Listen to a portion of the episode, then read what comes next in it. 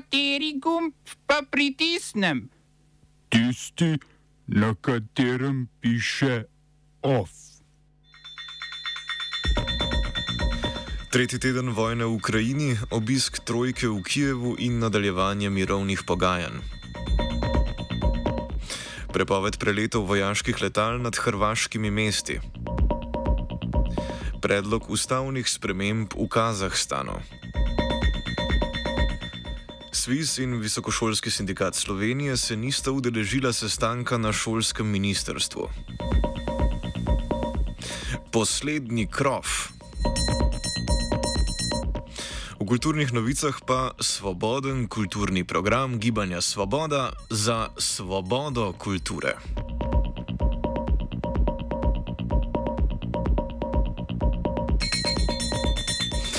Dobr dan, na Radio Student poslušate poročila. Poteka 21. dan ruske invazije na Ukrajino.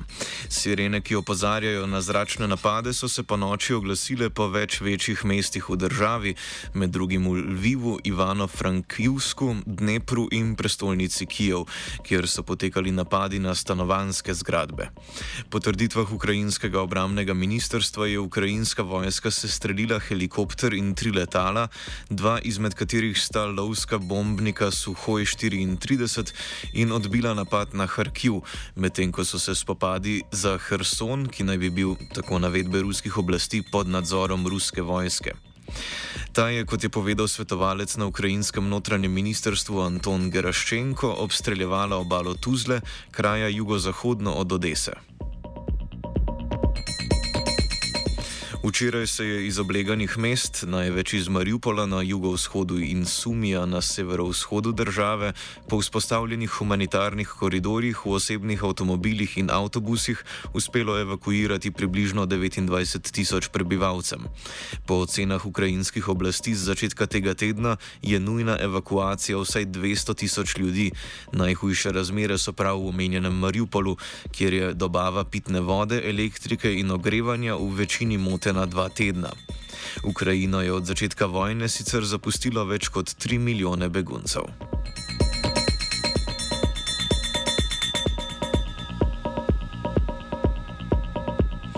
Vojno območje v Kijevu so obiskali premijeji Slovenije, Polske in Češke Janez Janša, Mateusz Moravjecki in Peter Fjala ter podpredsednik polske vlade Jaroslav Kačinski, ki so se medtem že vrnili na Polsko. Četverica se je srečala z ukrajinskim predsednikom Volodimirjem Zelenskim in premijejem Denisom Šmigaljem.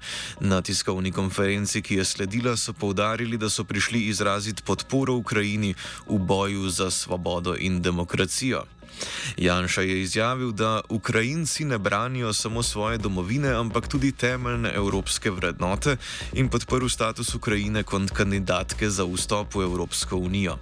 Po neuradnih kanalih iz Bruslja je sicer prišlo pojasnilo, da premijeji niso imeli mandata Evropskega sveta in da je bil obisk neformalne narave, a kot tak očitno preveč privlačna priložnost za fototermin in ponašanje s krilatico, da je šlo za prvi obisk obisk tujih premijejev v ukrajinski prestolnici od začetka vojne.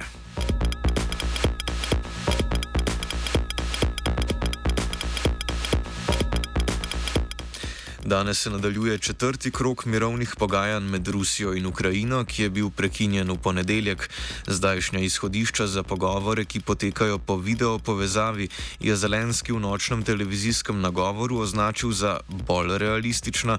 Ruski zunani minister Sergej Lavrov pa je dejal, da obstaja nekaj upanja, da bi dosegli kompromis. Tega v Kremlju razumejo kot dogovor o demilitarizirani Ukrajini z lastno vojsko po vzoru Avstrije ali Švedske. Švedske. Obenem ustrajajo pri večkrat ponovljeni obvezi, da se Ukrajina odreče nameri po članstvu v NATO in da Krim prizna za ruski ter samo oklicani ljudski republiki Lugansk in Donetsk kot neodvisni državi v mejah istoimenskih pokrajin. Uradnik Kijev je sporočil, da zavrača koncept neutralnosti po avstrijskem ali švedskem modelu ter zahteva premirje in umik ruske vojske svojega ozemlja, kar je po njihovem mnenju predpogoj za rešitev reševanje vsebinskih vprašanj. Glede Severnoatlantskega zavezništva je Zelenski sicer včeraj dejal, da je treba priznati, da se Ukrajina van ne more učlaniti, kar nakazuje postopno spreminjanje odnosa do NATO, nad katerim je ukrajinski predsednik znova izrazil obžalovanje, ker ni pripravljen vzpostaviti območja prepovedi preletov nad Ukrajino.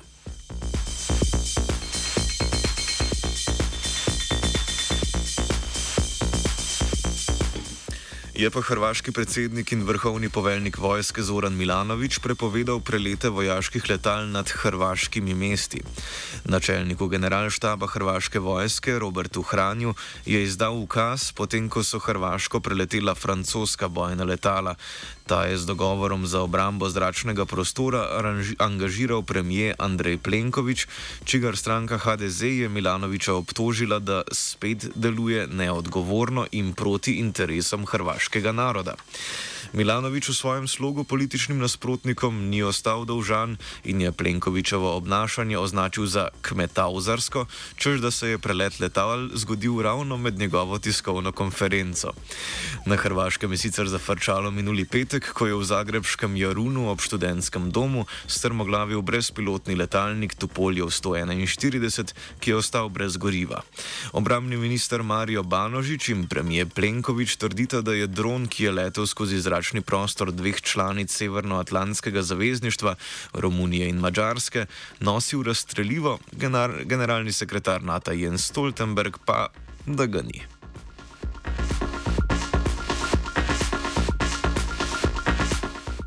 Nadaljujemo v Bosni in Hercegovini, kjer se na obisku mudi visoki zunanje politični predstavnik Evropske unije Josep Borel. V Sarajevu, ki je po obisku makedonske in albanske prestolnice Tirane in Skopje tretja in zadnja postaja njegove turneje po Zahodnem Balkanu, se bo srečal s predstavniki tamkajšnje mirovne misije EU, EUFORJA, vlade, opozicije in civilne družbe. Poleg varnosti bo na dnevnem redu pogovorov tudi volilna zakonodaja mora biti s popravki ustave, da bi veljala za prihodnje splošne volitve, ki so predvidene novembra, sprejeta najkasneje do 5. maja, ko je skrajni rok za volilno komisijo, da razpiše volitve.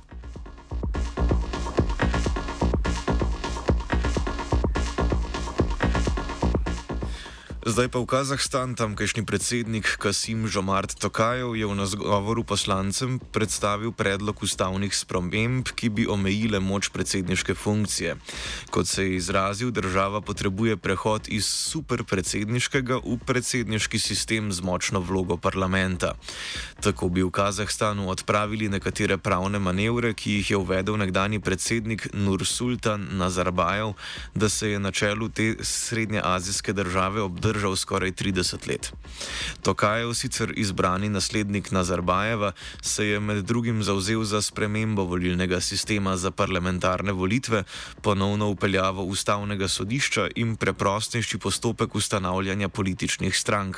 V primeru sprejetja ustavnih sprememb, kar je sicer dolgotrajen postopek, bi Kazahstan, tako se zdi, formalno stopil na pot oddaljevanja od dediščine Nazarbajeva, ki je bil januarja po najmnožičnejših protestih protestih v samostojni državi primoran odstopiti z funkcij vodje varnostnega sveta in predsednika vladajoče stranke Nur Otan. O tem priča tudi oduzem prostosti na Zarbajevem Unečaku. Kajrat Satebajdi, eden najbogatejših ljudi v Kazahstanu, je bil zaradi korupcije aretiran pred dvema dnevama. Oba, če bom odgovoril na angliški. Slovenija bo poskušala pomagati. Slovenija bo naredila naš utmost, da bo rekla, da je situacija naš problem, sami. In da bomo naredili nadaljnje korake, as soon as the conditions are. Bomo vlado Marjana Cererera Šarca podprli. Very, very serious. News from Slovenia. We know how and we will. Včeraj bi moral na Ministrstvu za izobraževanje, znanost in šport potekati sestanek sindikatov vzgoje in izobraževanja z ministrico Simono Kustec.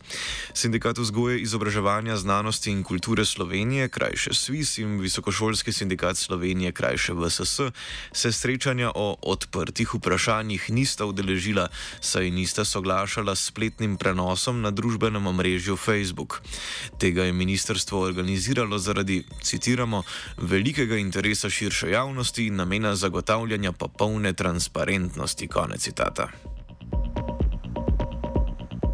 Predsednika Sviza in VSS Branimir Štrukel in Gorast Kovačič sta pred šolskim ministrstvom organizirala tiskovno konferenco, na kateri sta pojasnila razloge za neudeležbo na sestanku. Govori Kovačič.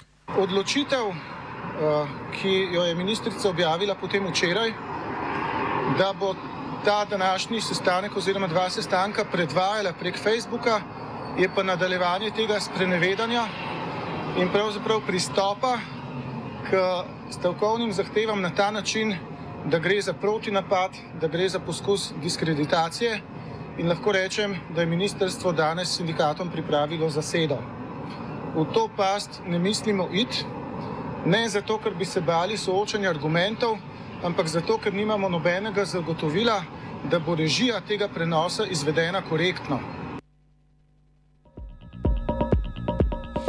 V Svizu opozarjajo, da splošna stavka v vzgoji in izobraževanju še vedno poteka, o nadaljnih aktivnostih bodo odločali v začetku prihodnjega tedna. OF je pripravil Fabian, sledi Krov.